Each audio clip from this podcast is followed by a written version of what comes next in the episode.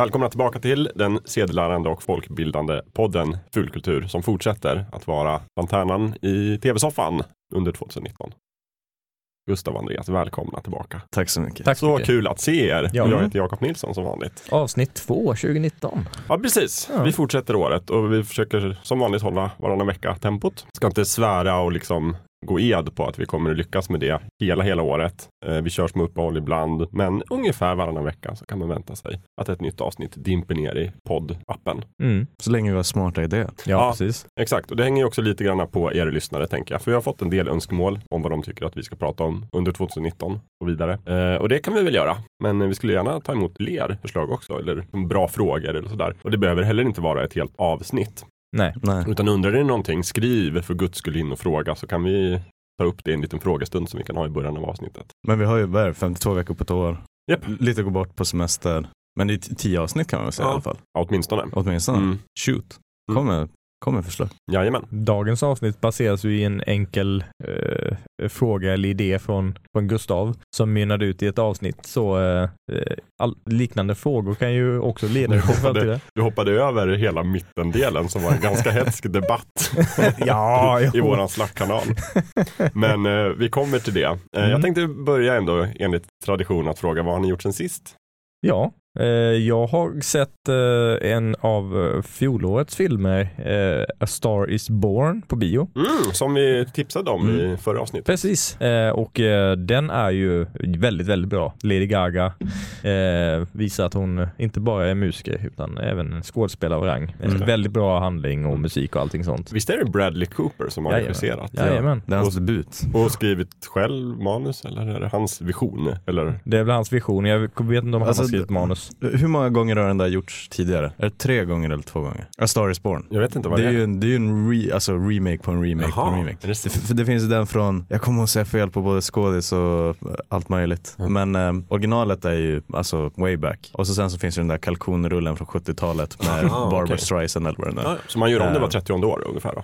Ja, det verkar lite så. Ja. Ja. men den en- enkla storyn är att eh, en manlig liksom, musiker som hittar en kvinnlig talang Mm. eh, och så blir de kära och så sen så får man se vad som händer när man Jaha. tittar på filmen. Wow. Mm. Nej men, eh, men ja, det är alltså, såklart med sin egen twist på, Mm. på historien. Men jag tycker att han är alltså, föredömlig regissör Mm. också. Det var kul att upptäcka. Bradley Cooper är en sångare också. Ja. Det visste inte jag innan. Nej, det hade jag ingen aning om.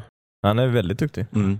Ehm, och utöver det har jag också tagit tag i backloggen från i fjol. Mm. Eh, spelat igenom två spel och påbörjat ett tredje nu. Eh, så inleder året starkt i alla fall med att beta av katalogen. Mm. Ja, men du har hunnit rida dig igenom Red Dead Redemption 2. Vet jag. Jajamän. Det är Och. Luigi's Mansion på 3DS också. Luigi's Mansion, alltså första. Mm. Alltså remaken då som släpptes Ja, i 3DS. precis. Väldigt coolt. Ja, det är Jag väldigt visste inte coolt. ens att den var ute, jag trodde bara den var annonserad. Nej, jo, det har varit ute ett Den har tag. varit ute länge, ja du ser det. Out of touch. Ja, så nu, nu spelar jag Nino Kuni 2 som, eh, som jag för, förhandstittade åt FZ i, i våras i fjol. det är som, ja, jo, shit. Du har inte spelat det än alltså? nej, nej, jag har inte tagit tag i det. Hoppla. Så det är först nu. Det känns ju verkligen som ett Lövet-spel. Ja, det är det verkligen. Det är jättemysigt. Men alltså, det, det har ju till och med jag spelat. Eller vill du veta storyn på det här? Ja, tack gärna. Lövet, det kan ju, vet fullkulturtittarna om att Lövet har en förkärlek till att köpa sex kopior av alla filmer och spelen? Vet inte, det är väl Eh, kanske en mörk hemlighet han sam, på. samla, samla inom oss avsnittet avslöjade väl ändå det, tror jag. Ja, men du drar ju inte för att köpa lite olika utgåvor av ett spel om du tycker det är bra. Nej. Och kanske också något extra av en vanlig utgåva bara för att ha. Ja. Och någon gång råkade du köpa två Switch och sådär. Ja. Och, ja. Ja, men först, i alla fall, för att när Nino Kuni släpptes så fick vi in en, en fet eh, 2000 kronors variant till kontoret. Mm. Och då tänkte jag, det, det står ju Lövet skrivet på den här. Men han hade redan köpt det. Så då, då tog jag hem det. Ehm, och ja, jag spelade 40 timmar i alla fall Mm. och snackade med dig i tron om att du också skulle spela i samma veva. Men så blev det inte. Ja, Nej. först nu har du satt igång. Mm. Ja. Så jag vet mer om ett japanskt rollspel just nu än vad Lövet gör. Ja. Det händer en gång vart 200 år. Ja, visst, och det snöar i helvete. Exakt. Och katter och hundar Och grisar flyger. Ja, visst. Ja. Ja, det är lustigt hörni, vad det kan, hur det kan gå. Ja. Jag har faktiskt också läst, jag har läst en serietidning sen sist. Eh, Jag började på jullovet, för då handlade, jag brukar alltid handla lite comics i Comixology-appen när det är julrea. Mm. Och det gör det nu också. Nu läste jag en serie som jag varit lite sugen på ett tag. Den gjordes 2016 och det är faktiskt lite oväntat kanske. Det är en, en, en remake av Fred Flintstone. Va? Ja, familjen Flinta. Fast alltså, den är utgiven av DC Comics. Det finns två volymer och det är liksom två album egentligen. Skriven av Mark Russell och Steve Hugh. Och den är, alltså tänk er, ni har sett säkert på internet, det finns olika tecknare som gör så här typ realistiska versioner av tv-spelsfigurer. Mm. Mm. Här, tänk, tänk den stilen, att de har tecknat liksom Fred Flintstone i lite mer realistisk stil. Bara lite såhär deviant art. Ja, precis. Okej. Lite så. Så att han Mm. ser ut som en, en riktig människa. Och liksom sådär. Det låter ju lite eh, besvärligt nästan. Ja, men och sen så är hela serien är, den är jätterolig för det första, men den är också ganska allvarlig. Den är väldigt mycket så här satir på Mm. vårt moderna samhälle. Fast det är ju liksom under stenåldern. Christopher Nolan goes eh, Fred Flintstone. Ja, precis. Och när man, liksom, man har jobbigt på jobbet och det är lite så här, ganska allvarliga ämnen ibland. Och han, liksom, både han och, och eh, Barney är också veteraner. Från, inte, inte Vietnamkriget, men typ det gamla kriget mot typ eh, ödlefolket. och sådär. Och det är liksom också, ja men ni vet i Fred Flinta också, de har ju dinosaurier för allting. Som typ dammsugare och verktyg och sådär. Där får man se också lite vad de pratar om på natten. när människorna sover. Den är, fan vad bra den var. Eh, jättebra faktiskt. Och så här otroligt överraskande. Mm. Men så här, en, en, som vi pratade om det förra avsnittet kort, att det var väldigt inne att göra så här, lite mörkare, lite vuxnare remakes av Mm. saker. Och det här är en sån. Så att, eh, jättebra serie. Mm. Bra tips. Vad heter den? Den heter Flintstone. Flintstone? Okej. Eller Flintstones. Det är som God of War och Tomb Raider. De bara shit. Den heter Flintstone igen. Ja. Varför inte? Ja, Flintstone 2018 inom men parentes. Mm. Ja men och, som sagt, och den finns nog billigt i Comixology om man vill läsa den. Mm. Där bara, Nej, jättebra faktiskt. Bra tips. Gurra då? Mm. Förlåt, nu drack jag lite där. Ehm, jag har faktiskt ehm, jag har spelat Overwatch. Mhm. Ett spel som jag tänkte att nej, det kommer jag aldrig att röra. Mm. Ehm, jag köpte det under mellandagsrean. Och så sen så har jag spelat ganska många timmar sen dess på min fria Mm. tid. Alltså jag åkte upp till Skellefteå över julen Mm. och var extremt ledig fram till i mitten på januari nu. Eh, Så jag spelar ganska mycket Overwatch tillsammans med mina kompisar. Mm. Oväntat kul har jag med det spelet. Tänkte att jag inte skulle ha det. Men eh, ja, jag blev en Overwatch-spelare. Jag måste bara driva lite med Skellefteå. Okej. Jag gillar Skellefteå väldigt mycket Mm. tankar. Men en kompis eh, var uppe i Skellefteå förra julen Mm. med sin kille. Hennes kille satte upp en webbkamera utanför deras hus och gjorde en timelapse-video. Okej. Hände ingenting på hela jullovet. Det är verkligen så här, man ser en bil åka förbi. Och då tänker man bara, ja, det här är nog en stad där man kan sitta och spela Overwatch ganska mycket. Ja, jo förmodligen. Men det är underbart. Apropå tempo liksom. Men vilken bra smak din kompis har. Mm. Som har en kille från Skellefteå. Ja, hon är från Skellefteå. Aha. Ja, då var det inte så vanligt. Ah, okej. Eh, nej men så jag spelar Overwatch och så sen så har jag tittat lite på anime i två svängar. Den ena, eh, en lite äldre anime höll jag på att säga, men där är den ju inte alls. Alltså den är ju väldigt modern, den är från 2014 tror jag. Eh, för, jag frågade Lövet om han hade kollat på den, för det är Psycho Pass. En lite så här som hade flugit under radarn. Jag tittar Mm. inte supermycket på anime, jag har kollat Mm. på de här, eh, alltså Full Metal Alchemist Brotherhood, Death Note, verkligen de här mainstream hitsen. Mm. Ehm, men eh, jag vet inte, det var också lite mellandagsrean jag på att säga, så kollade jag en sån här top 10 anime-list. Och då tänkte jag, fan Psychopass, det skulle vara lite cyberpunk, eh, cyberpunk typ, lite Alter Carbon-hållet Åh. för cyberpunk. Ehm, och premissen är att alla invånare i Japan år framtid har ett psychopass som läses av av något omnipotent system i staden. Och så har de en crime coefficient så man kan se om de är på väg att bli liksom latenta kriminella Ah, eller om de är goda medborgare. mm. Eh, så det är liksom så här George Orwell-drömmen ja, på just något det. sätt. Kan vi förutse brott innan de händer? Eh, exakt. Liksom. Ja. Ehm, The precog sådär. ja, lite Minority Report. Ja. Mm. Fast, med, med, fast baserat på algoritmer då eller liksom så här Mm, statistik exakt. och empiri och så. Ja. Så det finns något så centralsystem som heter Sybil som läser av alla invånare. Ehm, och då har de ju såklart en brutal polisstyrka med latenta kriminella som de använder som liksom jakthundar. Mhm. Och så har de goda medborgare som är liksom deras eh, samvete som håller dem tillbaka. Sjukt. Och så jagar de såklart sjuka brottslingar som försöker slinka undan i systemet och sånt Mm. där. Um, den var riktigt bra och väldigt kort jämförelsevis. 22 avsnitt istället för 383. Mm. Men då kan jag Eh. rekommendera eh, den här visuella novellen Mandatory Happiness till Mm. PS Vita och PS4. Också väldigt bra. Mm. Och Mandatory Happiness är en väldigt, jag nickar till lite när du berättade att det var undertiteln. För det är lite det liksom, är man verkligen så jävla lycklig i ett Mm. samhälle där man inte längre behöver tänka på någonting Mm. för att en dator berättar att man är snäll. det. Eh, Så mycket sådana, liksom, lite Philip K. Dick som du pratade om i förra Mm. avsnittet. Den typen av frågor. De stora frågorna som väcks. Ja. ja. Sen är det såklart, du vet, Mycket pang, over pang the kan jag top actionscener Ja. och vapen som spränger folk i Ja. Små bitar Det och är sånt klart, där. det är ju anime. En del japanskt. Ja. Mm. Ehm, och så ska jag bara snabbt nämna en till. En anime, Netflix original anime. Mhm. Som heter Hero Mask. Som är säsong 1, 10 avsnitt 15. Ehm, som också är lite så sci-fi framtid. När, eh, ja den är inte lika liksom eh, extraordinär, mera realistisk på något sätt. Mm. Eh, som utspelar sig i London. Ehm, man får också följa liksom poliser som jagar kriminella. sätt. Så den, den kan jag tipsa om utan att berätta så mycket om den. Ja. Om man vill bara slöa titta på en anime utan att vara så liksom, brydd till en början. Det får jag nog säga var en serie där jag började titta och efter tre, fyra avsnitt så insåg jag att det här är ganska bra. Netflix verkar ju satsa ganska mycket på anime-material nu för tiden. Det är kul. Det är väldigt kul. Mycket av det är ju faktiskt bra också. Mm. Det är ännu roligare faktiskt. ja, verkligen. På tal om anime, eh, har ni någon, någon sorts känsla för den här kommande Battle Angel-filmen? Med Christoph Waltz Jag vet inte. väl med. Jag, jag hörde det förut. Jag trodde att James Cameron var inblandad förut, men han kanske bara är producent eller någonting. Jag tror att han är Men producent. det är ju någon Ja, trailer ute nu. Mm. Eh, Alltså, utifrån det jag sett så är jag inte jättepepp, men eh, jag hoppas jag har fel.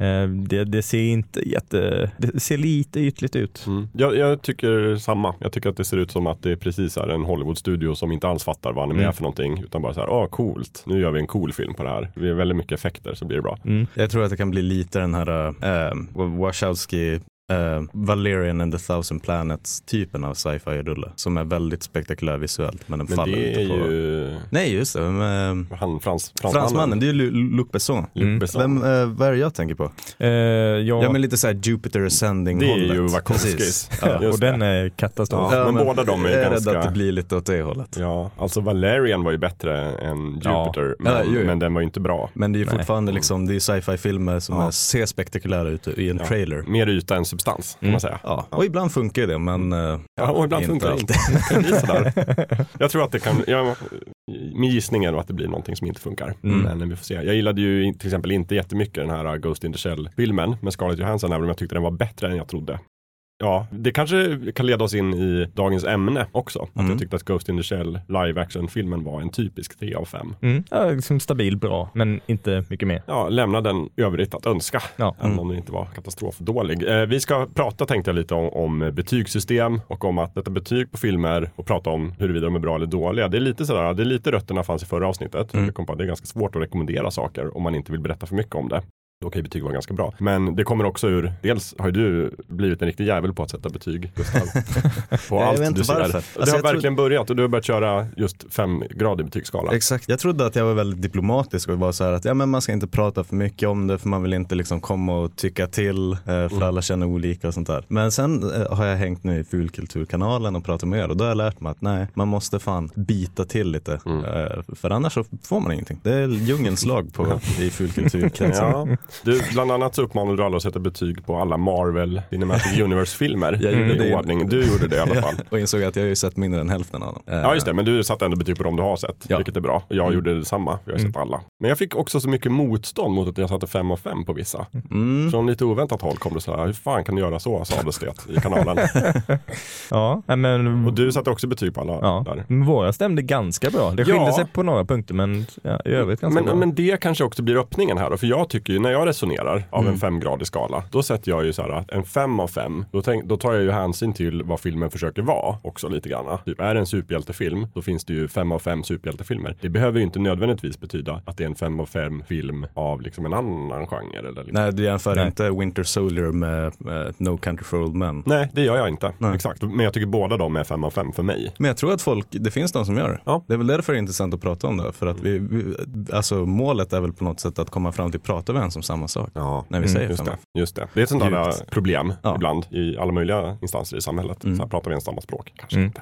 Och, och vi Lövet, du och jag har ju väldigt olika smak märker jag ibland. Ja. Och det är kanske också lite grann med hur vi, hur vi definierar det vi gillar och varför. Och och, och, och vad vi Jag brukar hänger ju- jag upp vårt brukar ju- betyg på. jag brukar ju driva med dig ibland för att du gillar vissa filmer som jag inte gillar och sådär. Det är ju med kärlek. Och jag men- avskyr vissa filmer du gillar. Ja, jag vet. Men ni går isär på under, underliga ställen tycker jag. Ja, det är Alltså om man, om man bara träffat er ett par timmar då skulle jag tippa att man kan tänka sig att ja, de har ganska lika smak. Ja, jag vet. Men det är väl också kanske därför det blir viktigare att Ja. liksom reagera på olikheterna. För att Mm. vi har till stora delar ganska lika smak. Det är samma sak med, med FZ Kalle och mig också. Jag tycker vi har diametralt olika smak nästan alltid. Men det är också för att vi, har, vi möts på så många punkter. Liksom, tycker Ja, men samma. Nicky åker iväg på en honeymoon med Spindelmannen. Det skulle vi till exempel kunna göra. Det, mysigt skulle vi ha.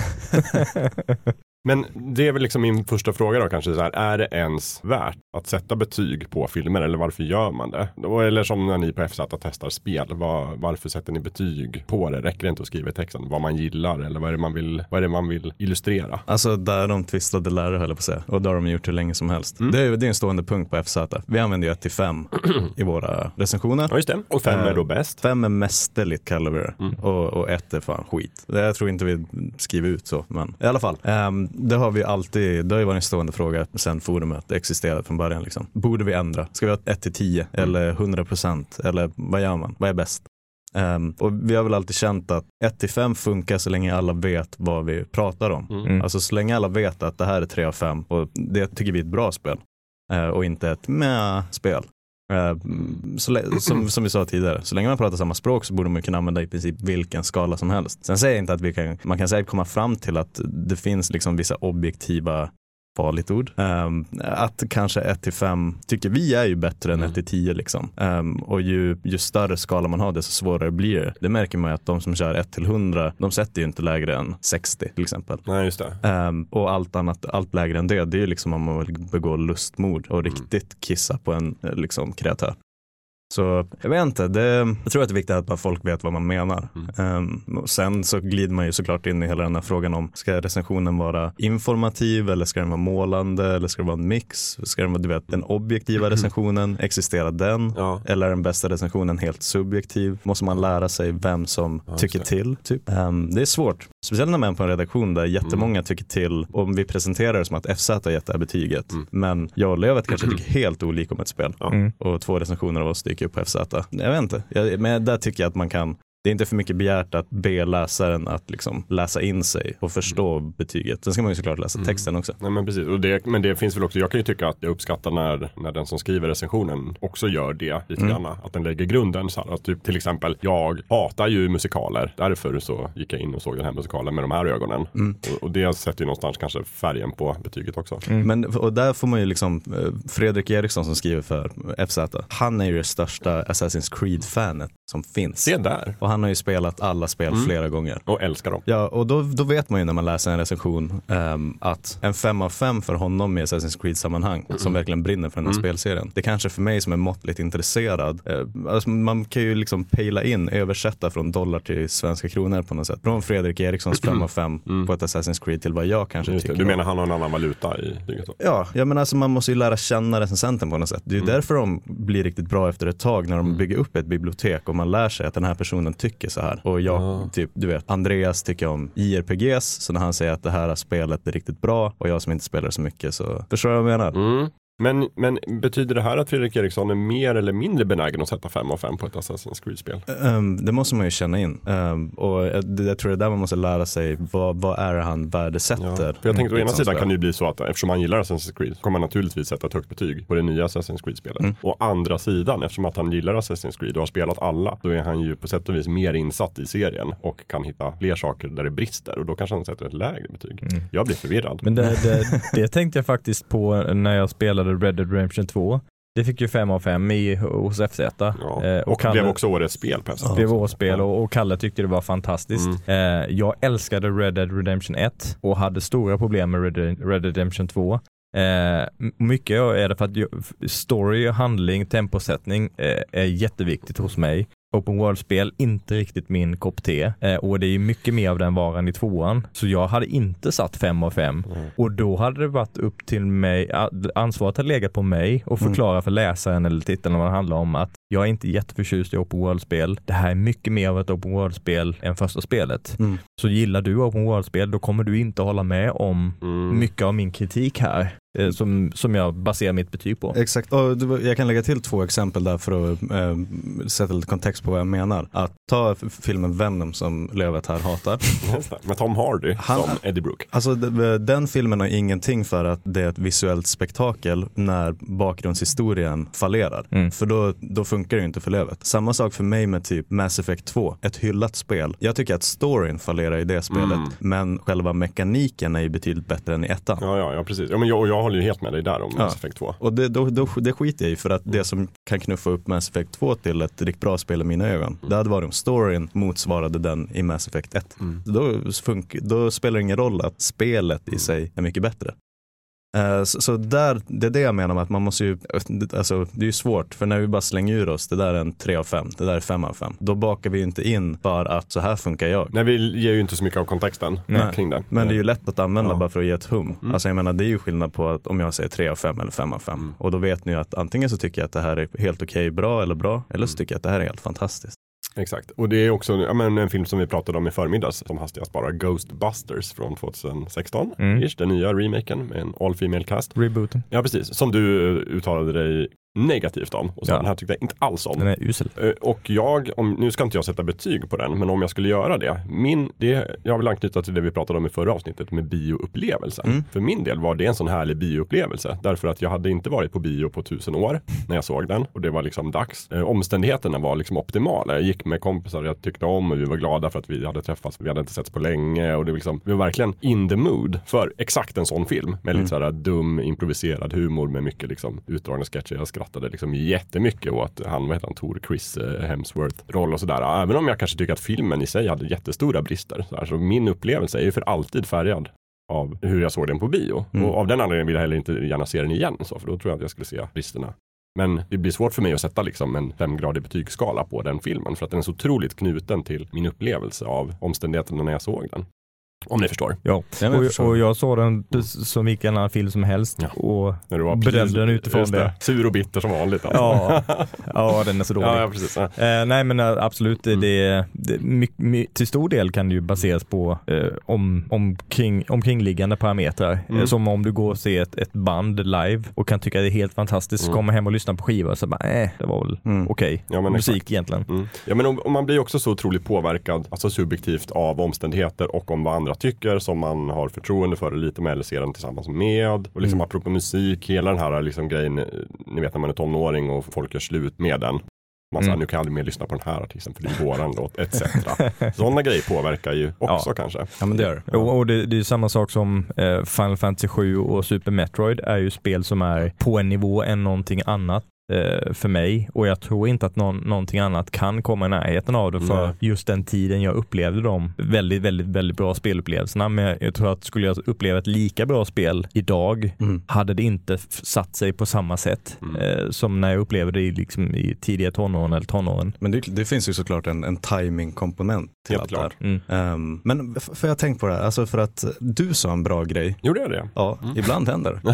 Nej, det händer väldigt ofta när du öppnar käften. Ehm, du sa att bara för att man eh, tycker om någonting så behöver man inte hålla det för att det är bra liksom. Eller, du- Nej men det- precis. Det var vad du ja, menade. ja men Att- det, det är exakt så. Alltså jag har ju, och det är väl också lite grann inne på det där, liksom vad man upplevde som när man är som mest, eh, Mm. an, vad heter det? Man är ung, man är De formativa åren. de formativa för- åren som vi har pratat om Öppen för tidigare. förändring. Ja, när man liksom har möjligheten att få de här riktigt starka upplevelserna. Mm. Och det kan ju vara så intimt kopplat till, ja men just det här som Ghostbusters på bio liksom. Eller när jag såg den här filmen, då hände det här. Eller jag liksom, eh, en av de roligaste filmer jag någonsin har sett, Mm. bara baserat på hur mycket jag skrattar per minut, det är ju Visitörerna 2. den, den är ju fantastiskt rolig. Ja men den är ju det, Ja. men den är, också, den är också ganska kass. Ja, Men jag Jo. menar när jag såg den uppe i en fjällstuga tillsammans med mina kompisar och några folköl och så, där, jag skrattade så jag fick ont i magen. Så roligt Mm. var det med Jean Reno som den här riddaren som kommer till liksom, nutiden. Är det ettan eller tvåan? Eh, mannen i huset ställer frågan, eh, tråkar jag ut det? Och han bara svarar, förvisso. Ja, ja men det är tvåan jag. skrattade vi jag helt tror, jag tror det är tvåan. Ja. Ja, gud ja. Alltså, och han liksom dödar en folka, folkvagn med svärdet. Liksom. Nej, men den är ju sådär. Men, men liksom, Men det är skillnad på att tycka om en film och att säga att den, där- det här är en bra film. ja Mm, precis. Och då kan jag säga att det är en av mina favoritfilmer av den anledningen. Mm. Men jag skulle inte säga att det är en av de bästa filmer som har gjorts. Nej. Sådär, för då får man någonstans resa sig ur sig själv också, tänker jag. Och Mm. liksom försöka bedöma den med någon sorts, inom citationstecken, objektiv betygsskala. Eller liksom, och det tänker jag, så här, en del människor tror jag har svårt att hålla isär de Mm, två sakerna. Det vill säga, om jag tycker om någonting, då måste det per definition vara bra. Och sen så kan det bli jobbigt ibland tycker jag, när, när man inte kan förstå att andra har en annan upplevelse av det. Exakt. Men, men vänder man på det så tycker jag också att det är bland det mest intressanta som jag är med om i den här podden till exempel. Att när, för du pratade om Super Metroid och Final Fantasy 7 Mm. och de är ju någonstans, det är ganska trygga val för de är ju objektivt hyllade Mm. av typ alla.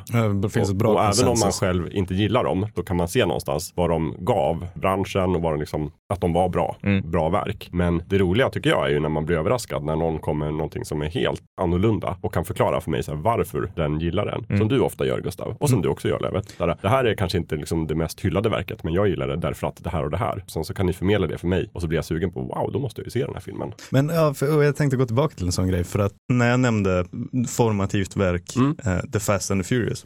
Just det, en bra exempel faktiskt.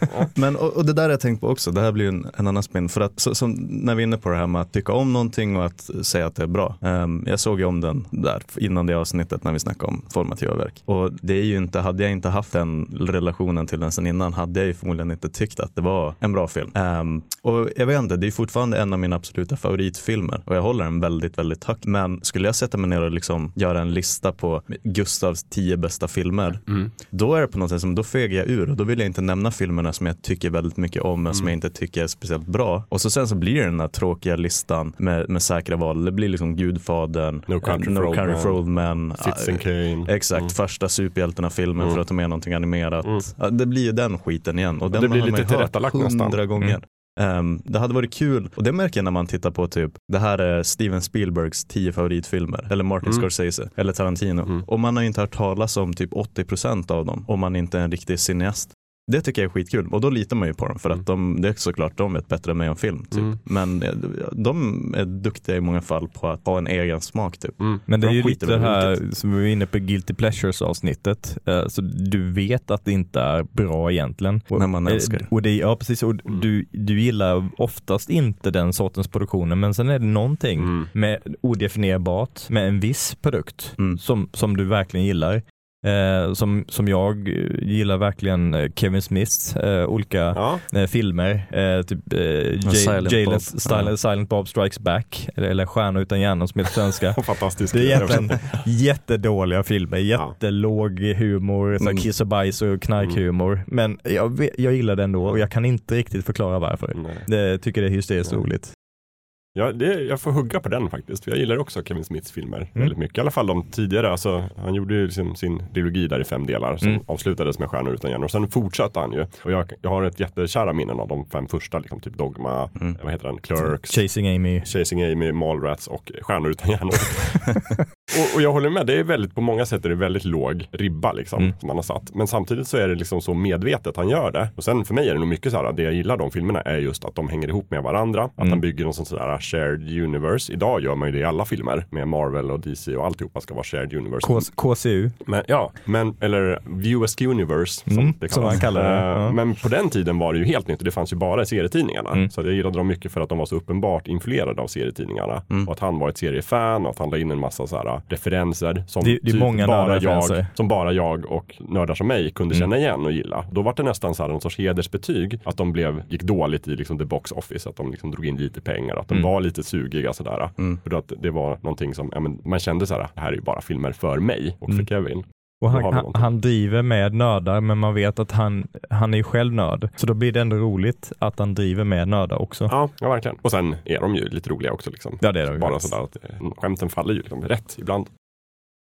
För- om vi går tillbaka till 1 till 5. Vi pratar ju om den mycket nu och inte om andra skalor. Mm. För att det är den vi slänger oss med. Mm. Ehm, och ett, alltså, för jag, jag tänkte på det när jag satt tåget på väg hit. Att den funkar även när den inte funkar. Mm. För att man behöver inte säga så mycket mer än 1 till 5. Och det spelar inte så stor roll för att jag tror att Även om man nu står in, liksom och spelar in en podcast och börjar gräva i vad vi menar, så tror jag att de flesta är överens ungefär vad man menar. Och om man ska göra någon typ av så här podcastvänlig presentation av hur jag eh, liksom lathunden till 1 av 5. Och det är så här jag inbillar mig att alla tänker. Men nu kanske jag får fel. Så ni får, ni får hugga på det. Men 1 av 5 det är ju så här, uh, nej. 2 av 5 är, nej. 3 av 5 är, mm, mm. Ändå helt okej. Ja. 4 av 5 är, åh. Ja. Och 5 av 5 är, Helt jävla otroligt. Ja, det är exakt så jag tänker. Ja. Ja, men och det, och det tror jag är problemet. För att ehm, som du sa, du fick mycket skit när vi rankade Marvel-filmerna för Ja, att du gav femmor. Ja. Och det, jag tror att femman, hoppet från fyra av fem, Mm. det är liksom den, den, fege, den fege personens val. Att sätta fem av fem, det blir per automatik, det hade lika gärna kunnat vara tio av fem. Och det är så svårt att, det är så svårt att avgöra, är det en svag femma som är snudda på mästerverk Mm. eller är det här det, bästa du någonsin sett Jo men precis, men det är väl också därför folk efterfrågar ibland en mer fingradig betygsskala. Mm. De som vill ha en 10-gradig betygsskala, de tycker just det att 5 av 5 är för trubbigt liksom. Det infattar för mycket.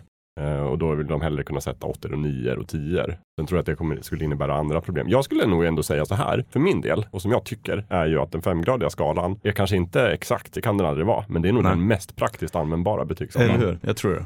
Precis som att vi vet idag liksom att Newtons fysiklagar inte riktigt stämmer för att vi har relativitetsteori alltihopa. Mm. Men newtonisk fysik är väldigt användbar så länge vi inte är liksom uppe i ljushastigheter och så länge vi pratar om himlakroppar och sådär. Så den är så Mm. otroligt praktisk. Mm. Därför använder vi den. Jag tycker också det är samma sak med den femgradiga betygsskalan. Det är exakt samma som Newton. Den är Men- så praktisk. En, kritik man kan rikta mot är att om, om du tittar på recensioner under ett år Mm. kan det finnas jättemånga fyror och det är ingenting, om du bara tittar på betygen så är det ingenting som skiljer dem åt. Har du en 10-gradig skala så skulle de kanske skiljas åt mer, 6 och 7 exempelvis. Eh, skulle du ha en 100-procentig skala skulle det vara ännu mer finmaskig skillnad. Du kan särskilja olika eh, fyror och femmor eh, mer åt. Men det är där Men- jag tycker att det blir onödigt. Alltså för, som Jakob sa, att han jämför inte Winter Soldier med No Country for Old Men, Nej. även om det är två femma femmor. För att jag menar, vi hade ju kunnat dra det till sin spets och ha en en miljard skala. Och då hade man kunnat ge varje verk någonsin ett unikt betyg. Eh, för att kunna ha någon sorts här, eh, absolut referenspunkt. Och jag, jag vet inte om, så här, som du säger, jag tror man inte jämför alla verk man någonsin har sett när man, när man sett ett betyg. Nej, men det jag skulle komma in på var att om man tittar på ett helt år så, så, så särskiljer man ju inte dem åt Nej. genom att ha en, en trubbig betygsskala. Men samtidigt är, är man intresserad av att veta hur två, av, två fyra av femmor skiljer sig åt, Mm. då läser man kanske recensionen. Man kanske inte behöver betyget till att särskilja dem åt. Okej. Eh, mer att man Mm. kanske behöver veta ungefär på vilken nivå ligger den här titeln. Mm. Vilken nivå ligger den här titeln på? Nu får jag ta reda på detaljerna runt, Mm. eh, runt det här, Ja, den här titeln. Så, som ett, en, en procentskala kanske skulle kunna ge en större indikation om. Mm. Men det blir ju osmidigt också. Å andra Ja, sidan. men det, det är väl lite att säga så som att en femgradig betygsskala kanske inte är alltid tillräckligt. Men det är just det här, det jag är intresserad av oftast är väl då att veta liksom så här, vilka var årets bästa spel? Mm. Och då, här är listan på de jag, 20 stycken spel Mm. som fick 5 av 5. Då kan jag kolla i dem och så här, det jag vill veta framförallt är att filtrera bort skiten och se Mm. liksom det här är de bästa. Sen får jag ju gräva djupare och det är klart att har man en 100-gradig betygsskala där man ger i procent så behöver man kanske inte gräva djupare. Då kan jag säga så här, vilka är de som fick 99 procent? Mm. Ja, det var två spel. Men samtidigt så tror jag att, att undermedvetet, nackdelen med den skalan är väl att folk undermedvetet tror jag ändå delar in det i typ 5. Mm. Alltså effekten kommer bli att, visst det kommer bli mer detaljerat där uppe, bland alla de som annars skulle ha fått 5 av 5. Mm. Men inga spel kommer få 1% utan det kommer bli, nästan alla kommer få typ mellan 60 och 80% sådär, för där ligger de flesta. De flesta filmerna är 3 av 5, de flesta spelen är 3 av 5. Och det motsvarar i betygsskalan det liksom. Hur tänker ni runt eh, de som använder betygssystem som ja, nej eller rekommenderas eller re rekommenderas inte? Tumme upp eller tumme ner Ja, helt enkelt. precis, Ja, det är min andra favoritskala, förutom 1 av 5. Så Mm. tycker jag tumme upp och tumme ner oftast är helt tillräckligt för min del. För Jag skulle säga om, om jag hade recenserat Red Dead Redemption 2 och hade gett den ett lägre betyg än vad de flesta verkar tycka att det förtjänar, då kanske någon skulle titta på det betyget och tänka, aha, nej, det är inte lika bra som jag hade hoppats på. Och s- så kanske de skippar ett spel som de egentligen hade älskat mycket mer än vad jag, jag skulle, hade gjort. Men hade man kört på ett ja, nej eller tumme upp, tumme ner, Mm. då hade du ju fått ja eller tumme du upp gett av mig. upp. Mm. Ja. Ja. och då hade det varit mer, ehm, mer representativt för de flesta smak med ett sådant betygssystem. Så det har ju också klara fördelar. Eh, har det, så, eh, det extra trubbigt så att säga. Mm. Det, såklart. Och- Men å andra sidan det här med att konvertera då till 1 av 5 undermedvetet. Jag tänker att ett tumme upp, tumme ner system är ju kanske 1 av 5 där du vet allt över 2 Ja. det är tumme upp. Mm. Eh, och 1 av 5 det blir en tumme ner liksom. Ja, det, och det kanske är det. Men jag tänker också att det beror lite på formen. För när jag pratar med en person, Mm. så det jag är ute efter är ju ofta så här, tumme upp eller tumme ner. Var det en Mm. bra film? Ja, nej. Men när jag läser en tidning, då är jag kanske framförallt ute efter, då vill jag ha en lite mera fingradig skala. Då är det väldigt användbart att få ett av fem. Mm. För att jag kan, jag, för det är också lite det här som vi sa förra avsnittet igen, att det finns för mycket bra att se och spela för att man ska hinna göra allt.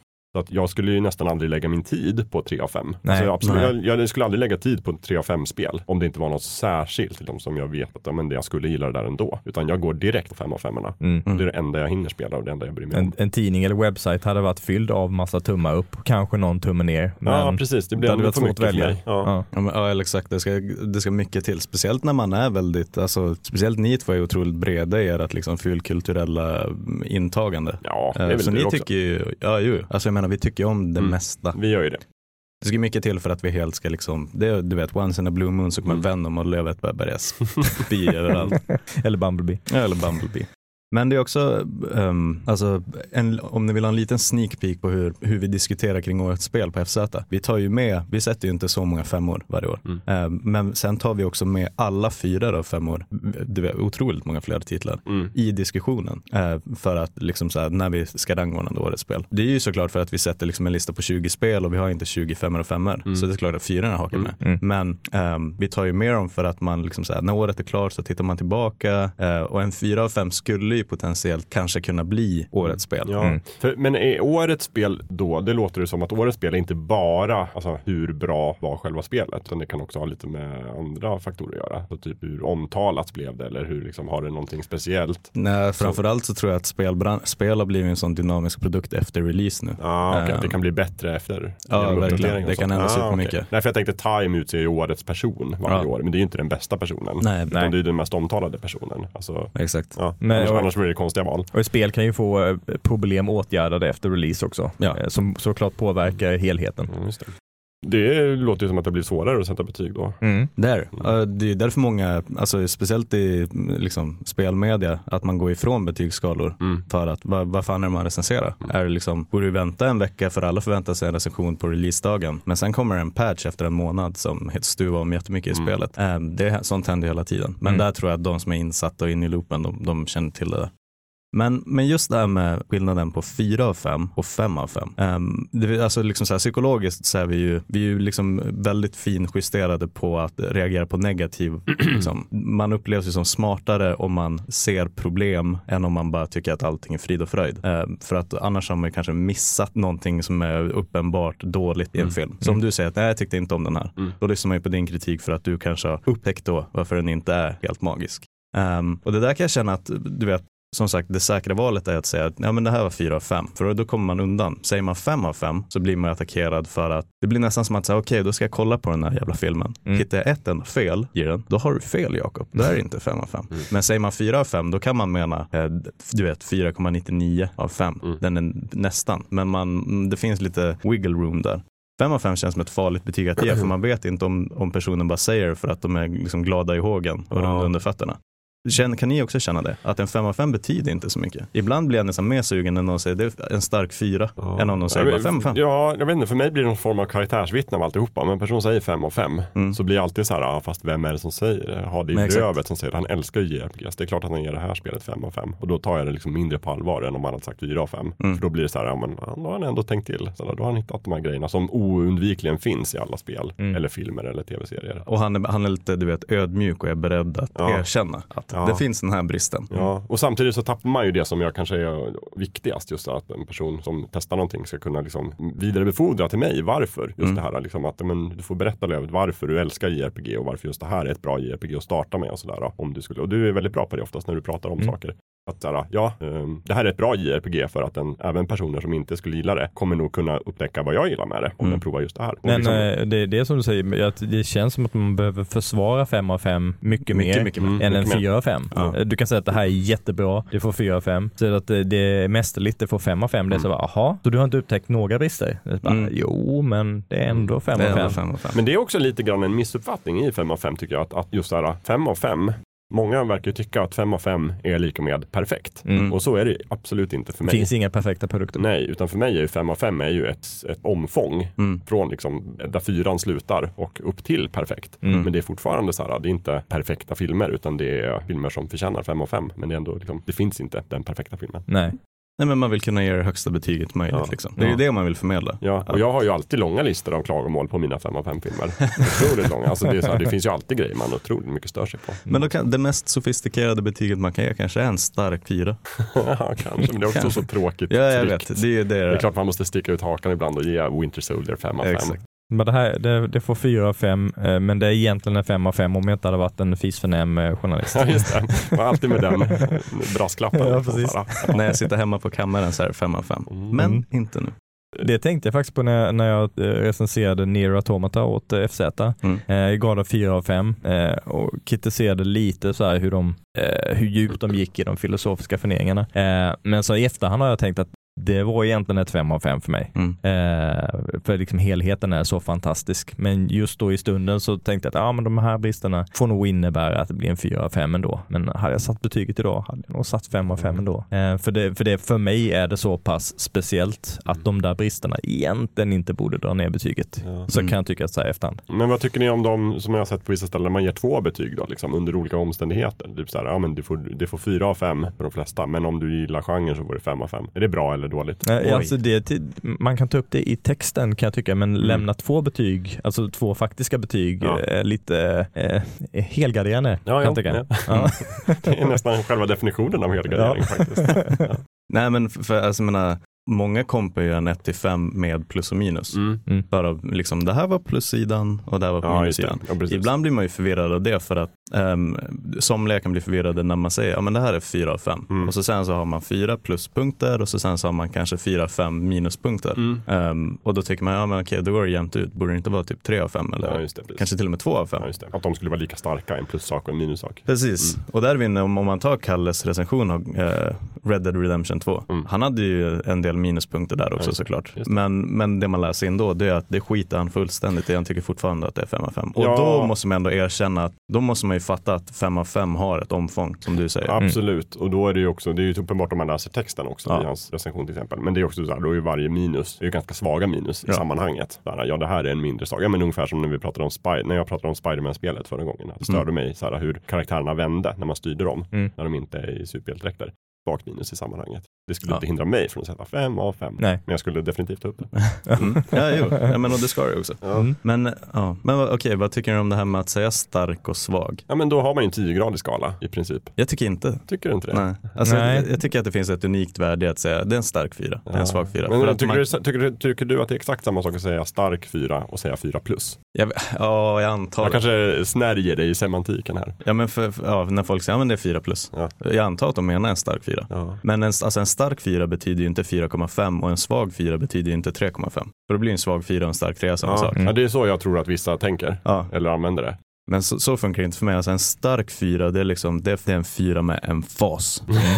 Fan i mig. Utropstecken. Den, den där, den är liksom, du vet cementen har Ja. satt sig. Fan den där, knu, den där halkar inte ner till en trea på, på ett bra Nej, tag. Det är Alltså. inte samma sak som 4 av 5 då. Så 4,5. alltså för att en, en stark fyra, alltså det, Jag bara tänker hur det var när man gick i skolan. Och nu är du är så ung Gustav, så du fick säkert annat betyg. Men när jag gick i skolan, då fick man ju en femgradig betygsskala. Och då Ja, kunde det ju jag hända liksom att läraren sa så här, ja Jakob, du var ju jätteduktig. Du får en stark fyra. Och då är det så här, vad fan betyder det? Det står ju ändå fyra på betyget. Är jag värd en femma eller inte? Han bara, Mm. ja du är värd en femma men du får en stark fyra. Då, det har ju, och det, skolsystemet på min tid var ju galet för då var det ju också så här begränsat. Alltså det var ju, alla fick ju inte femmor i klassen. Nej. För det var bara ett begränsat antal femmor att dela ut. Så man kunde ju vara värd en femma men ändå få en, en stark fyra. Därför blev jag lite provocerad av begreppet. jag är fortfarande bitter men menar, över men, mitt engelska betyg. så är det ju alltid om man snackar skolan. Jag menar, alla som lyssnar på det här och alla vi vet ju det. Att folk är ju liksom när det finns ett omfång i betyg så kan man ju komma undan med det som skulle sägas då vara ett väldigt svagt VG kanske. Eller en väldigt svag 3. Och så sen så skriver man på provet bättre än en annan person men man hamnar precis under en 4 och då Ja. får man också en 3 liksom. Och på pappret Mm. så ser det ut som att det här är likvärdigt. På samma sätt som att två spel som får 4 5 på FZ kanske man skulle kunna tro om man är lite pantad eh, är exakt lika bra. Mm. Ehm, men jag vet inte om man kan jämföra liksom skolbetyg och- med starka och svaga fyror med, med betyg på liksom filmer och spel. Nej, kanske inte. För det är ju inte som att någon säger, nej, ni har redan delat ut tre femmor det här året. Mm. Det här spelet får ni nog ta och sätta en fyra på. Mm. Det vore konstigt om någon kom och sa det.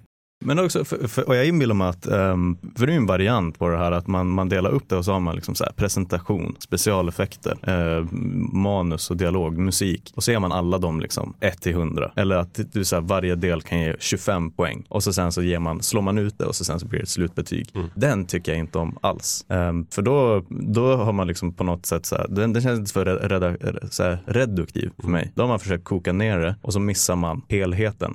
För jag antar att det är det man, när man bara säger 1 till 5, då ger man ett snabbt betyg Mm. på upplevelsen, Ja. hela paketet. Ja, så måste det ju vara, tänker jag. Men det där tror jag att folk börjar gå, glida ifrån. Alltså. Man börjar inse att det är, det är för subjektivt för att kunna liksom, bryta ner det till beståndsdelar, sätta något typ av objektivt betyg då, som ska sl- slås ut till ett objektivt slutbetyg. Allergisk mot det ordet för övrigt. Ja, alltså det, det finns ju Ja. inte. Eh, eh, Jag pratade med vår utvecklare Anton, som också varit med i podden tidigare, om det här med, vi började diskutera med en AI, eh, hur- man skulle kunna utveckla och lära en AI. Och Mm. så kom vi in på det här, men okej, men om, om en AI skulle betygsätta en film eller en, ett spel, Mm. eh, hur, hur skulle det se ut?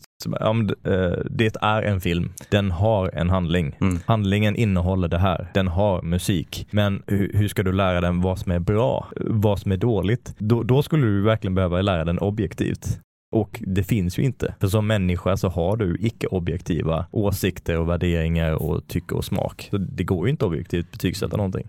Men är det inte, problemet är inte det att många blandar ihop ordet objektiv och använder det när de egentligen menar ordet saklig? Att här, Eller ge sakliga- informativ liksom. Ja, Mm. för det är alltid så här, man ger ju alltid subjektiva betyg naturligtvis eftersom Mm. att det är utifrån mig själv och min upplevelse och min tolkning av vad som är bra och dåligt. Men jag tänker det kan vara saklig ändå, det vill säga jag kan försöka förmedla varför jag tycker någonting. Mm. Jag kan peka på exempel, så här, det här är en jättebra musikal, därför att bla bla bla bla bla bla. Och du kan ha perspektiv på en bredare målgrupp Ja. och, och ta deras önskemål Mm. och tycke lite i åtanke när du sätter betyg. Ja men precis, och Mm. motsatsen till att ge ett sakligt 4 av 5 betyg är ju att säga så här, men jag gillar inte regissörens personlighet, därför så ger jag det 4 av 5. Ridley Scott. Ja, nej men ja, det har ingenting med hans personlighet Han är säkert en underbar människa. Det är, det är faktiskt väldigt sakligt, Mm. helt och hållet med hur han har presterat de senaste åren som jag tycker att Ridley Scott är på allrepet. Men ni har ju lärt mig någonting väldigt bra. Eh, och Jag tror inte ens att ni vet om det. Men förut så var jag väldigt duktig på att alltid förleda mina åsikter med att säga, ja men jag tycker att den här filmen, eh, i min åsikt så är det här spelet, bla bla bla bla, bla. Eh, Ni har ju lärt mig att det är onödigt, för liksom subjektiviteten är ju implicit hela tiden. Ja, Om jag säger den här filmen är fem av fem, då menar jag inte ni som inte tycker det är helt fel och jag har du vet the one true opinion. Mm. Alltid när det flyger sådana påståenden ur folk käftar så är det ju deras subjektiva åsikt. Mm. Och man behöver inte gardera sig. Jag tycker att det blir lite löjligt när man hela tiden ska säga, du vet, min mening så är Ja, så här och jag tycker precis. så här. Jag kan inte tala för någon annan. Jag kan inte tala för ja, någon är annan. sant. Men har du lärt dig det av oss? Ja, det har jag. Fan vad fint. För ni bara går på som ångvältar. ja fast det är för att vi tror att vi har det. Nej jag ska bara. Jo men det är klart, det är precis så jag tycker Gustav. Vad roligt att vi har inspirerat dig. Mm. Hörni, jag vill ta en annan vinkel här Gör i slutet. Eh, det blir allt vanligare tänker jag på Netflix och sådär. Där liksom vi är tillbaka på algoritmerna. Mm. Där den kan se så här, vad har jag tittat på? Och ge rekommendationer utifrån det. Och så säger Netflix-algoritmen så här till mig. Du borde till 72% gilla den här filmen. Mm. Vad är det liksom? Då Vad det fan betyder det? Ja, vad fan betyder det? Och, och, och träffar det rätt, tycker ni? Eller är det Mm, någonting som helt och hållet är i sin linda? Jag, jag tycker inte det, det är väl delvis baserat på om andra som har liknande tycke och smak som mig har gett Mm. En tumme upp Mm. och baserat på vad jag har tittat också Mm. på tidigare också Ehm, och vad jag har gett tumme upp och tumme ner. Mm. Men eh, det kan ju vara väldigt folk med väldigt annorlunda åsikt och tycke och smak som också har tittat på den och gett en tumme upp Mm. och därför rekommenderas till mig för att jag har tittat på liknande men jag kanske inte alls tycker om den. Eh, Så det tidiga systemet eh, som också har sina brister där, där de, eh, man kunde ge det 1 till 5 Mm. och så fick det ett, en procentskala med hur, eller den fick en 1 till 5 skala med hur bra tittarna hade tyckt om den. Mm. Det, det var ju en, en, ett bättre verktyg för mig att se. Den har fått 2 av 5. Förmodligen kommer jag inte tycka den är bra. Mm. Alltså, jag kan ju ge den en chans, men förmodligen så är den här en ganska dålig produkt. Mm. Medan den här rekommenderas till dig till 84 procent. Okej, ja, ja, jag kan Mm. testa den då. Sen visar man, nej men det var inte alls min grej. Men jag tycker att det sa- saknar värde det där, helt ärligt. Ja. Ehm, det finns ju också sådana här hemsidor där man får sitta och du vet spamma. Det dyker upp en film och så, så fem, du vet, tycker du om den här filmen? Ja, nej. Eller sätta ett av fem. Mm. Och så bygger man någon typ av smakprofil. Ja, precis. Eh, men och då till slut så dyker det upp så här, ja men du borde tycka om typ 12 varga män från 1957. Ja. Och så har den 8,9 på IMDB Mm. och 100% på Rotten Tomatoes. Så, så här, no shit, det är klart att jag kommer att tycka om den. Då Ja. rekommenderar en film som är unisont hyllad liksom. Nu behöver man ingen dator för att lista ut. Nej, exakt. Ehm, och samma sak på Netflix. Vad, vad fan betyder det att, eh, du vet, Downton Abbey, 98% smakprofil för att jag har sagt att jag tycker om The Ja. Crown och Ja. Dunkirk. Ja, ja men jag, jag, jag kan hålla med. Alltså, jag tycker egentligen att det finns en potential i det. För jag tror att här, har den tillräckligt mycket data så tror jag att den kan göra ganska bra analyser om mig genom att jämföra så här, men personer som har gillat de här hundra filmerna som du gillar, Mm. gillar också den här filmen, så förmodligen gör du det också. Mm. Eh, jag jobbar ju på någonting, jag är, den är ju kraftigt försenad, men då och då så tar vi upp den här liksom Jakob-listan Mm. i avsnitten. Som ju, tanken är att det ska vara hundra verk och man ska kunna välja om man gillar dem eller inte. Och sen så utifrån det så kan man få någon sorts smakprofil i hur bra en smak förhåller sig till min. Eh, det är så jobbigt att göra den här listan så den är inte klar än. Någon gång kan den ju dyka upp och jag tänker ändå någonstans att det, det blir ändå ganska träffsäkert. Men jag tycker absolut inte Netflix-algoritmen är där för den är alldeles för svepande. Och den tar hänsyn till sådana här konstiga saker som, ja men The Crown, det handlar om kungligheter. Då gillar du förmodligen Downton Abbey för det är också så här typ stroppiga aristokrati. Exakt. Det är alldeles för svepande. Och Mm. jag tycker ju till exempel inte bara för att jag gillar The Proposal med Sandra Bullock och, och Reynolds Mm. så betyder inte det att jag automatiskt gillar Ghosts of Girlfriends Past med Matthew McConaughey. Nej, Jag gör inte det, jag exakt. tycker den är dålig men båda är romantiska komedier och Netflix tänker sig, men du gillar förmodligen den här då. Mm, det är ju så trubbigt. Ja, det är för menar, trubbigt. Om du, du, du gillar sci-fi, du gillar robotar, Mm. du kommer gilla Michael Bays Transformers-filmer. Ja. Nej.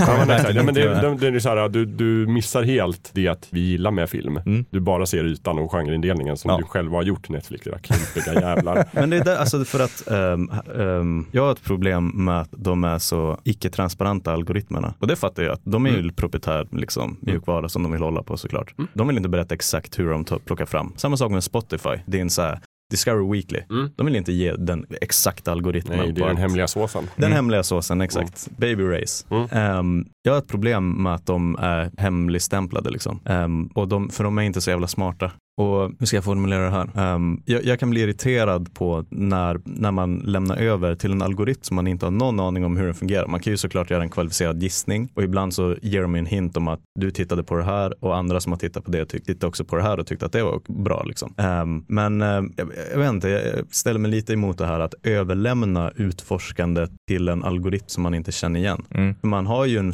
extremt bra algoritm själv som man har byggt under flera, flera Mm. år och lärt sig vad man tycker om. Mm. Så ska man plötsligt börja lita på Netflix som har känt en, en bråkdel av sitt liv och den baserar bara på vad man har tittat på. Mm. Inte Där hur man jag- kände när man såg det. Där kan jag tycka att YouTube har en, en lite bättre inriktning. De, de rekommenderar ju saker baserat Mm. på det man har Mm. tittat på, det man prenumererar på och liknande. Men sen så kan de ibland ställa frågan, eh, vad tyckte du om den här videon? Som, som de har rekommenderat eller som man tittar på. Ja, den är medveten om sin egen begränsning någonstans. Ja. Den så här, Ja, eller hur? Absolut. säga men nej men jag tyckte den här var jättedålig. Mm. Okej, då ska vi ta med det i beräkningen till Jo. nästa rekommendation. Jag kan också tycka att YouTube-algoritmen är bättre, såklart. Den jobbar på ett annat sätt. Men jag tycker inte den är bra heller. Nej. Jag tycker den också, den överdriver så himla mycket. Den tror så här, ja nu har du kollat på tre stycken filmer om typ jordens geologi eller. Då fyller vi hela Nu vill förmodligen kolla på 800 till. Istället borde den förstå att nu är du förmodligen trött på det ett tag. Mm. Nu, nu blandar vi upp lite. Här är några alternativ som du kollade på. Eller så här, för ett halvår sedan kollade du på såna här grejer. Kanske dags att återvända. Mm. Bara ta med det i beräkningen, det gör inte. Eller nu är har du här, du, är, spenderat- nu är du du- förmodligen jätteinne på geologi, Jakob. Nu har du spenderat en helg med syskonbarnen, nu vill Ja. du bara titta på Daniel Tiger. Ja men precis, Va, nej. nej. Ja tvärtom, jag vill inte titta på Daniel Tiger.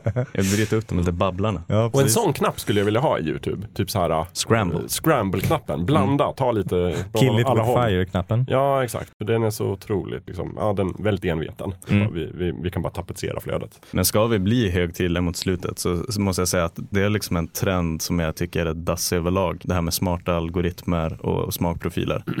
Ehm, jag tror någonstans så känns det som att vi har glömt bort att vi kan tänka själva.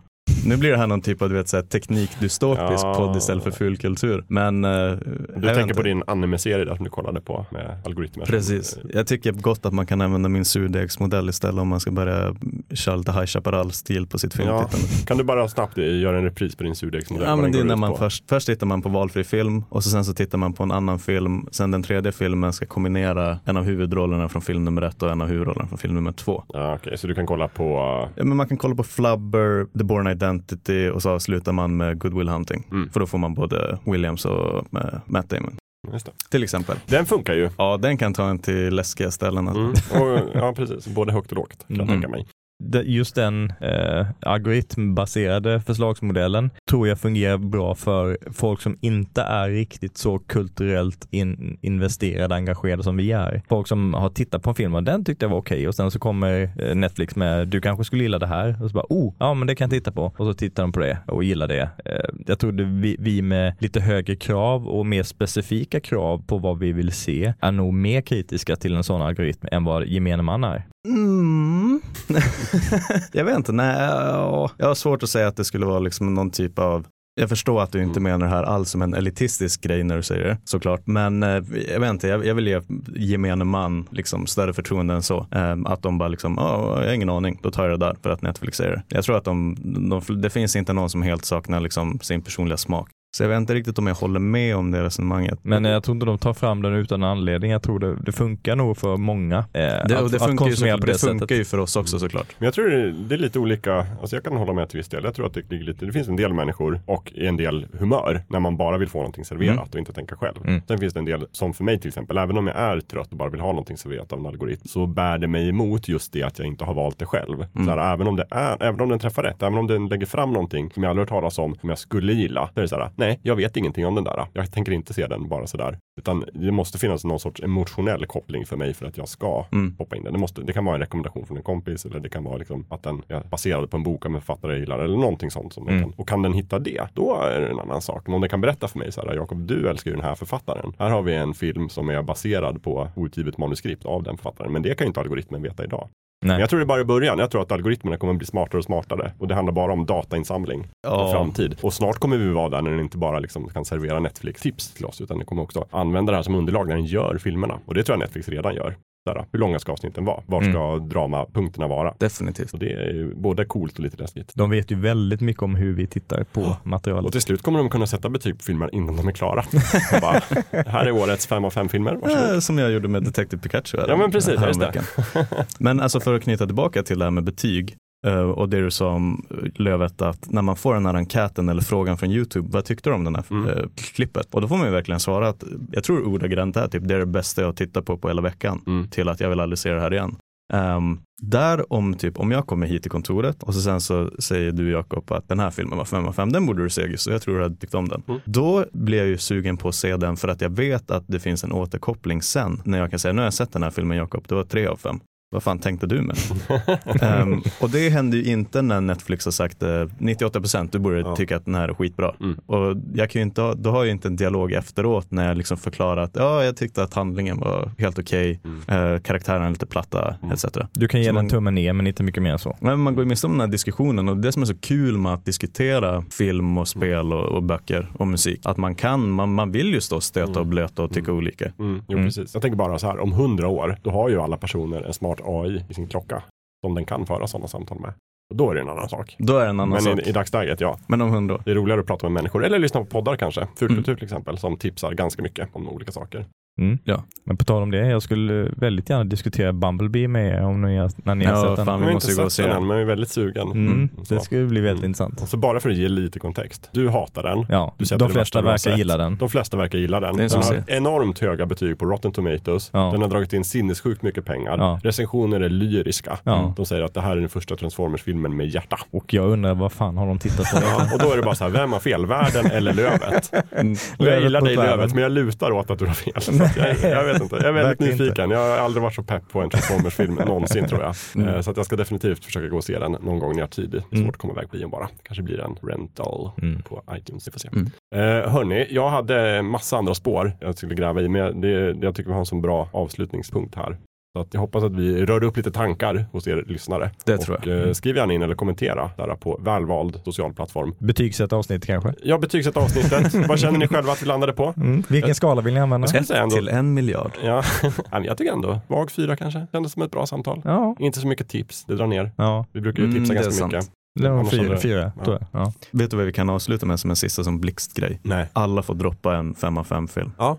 Och om vi slutar med det så behöver vi ju inte liksom käfta med varandra. Ja men exakt, det. vi får bara, det är därför blixtrunda. Vi får Mm. bara säga exempel på en 5 av 5 film för er. Ja. Härligt. Vill du börja då Gustav? Ja, Dunkirk, Christopher Nolan. Okej. Fem av fem. Ja, Lövet då? Spiderman Into the Spider-Verse. Fem Fem av fem. Mm. Eh, Jakob då? Eh, Scott Pilgrim vs. The World. 5 av 5. Oj, det hade inte jag. Du skulle inte kommentera. Hörni, tack för att ni har lyssnat. Uh, Fulkultur är tillbaka om två veckor. Då blir det härliga tips och eh, helt nya uppslag. Vi ses. Mm, puss bra. och kram. Puss och kram. Hej. Puss och kram. Hej.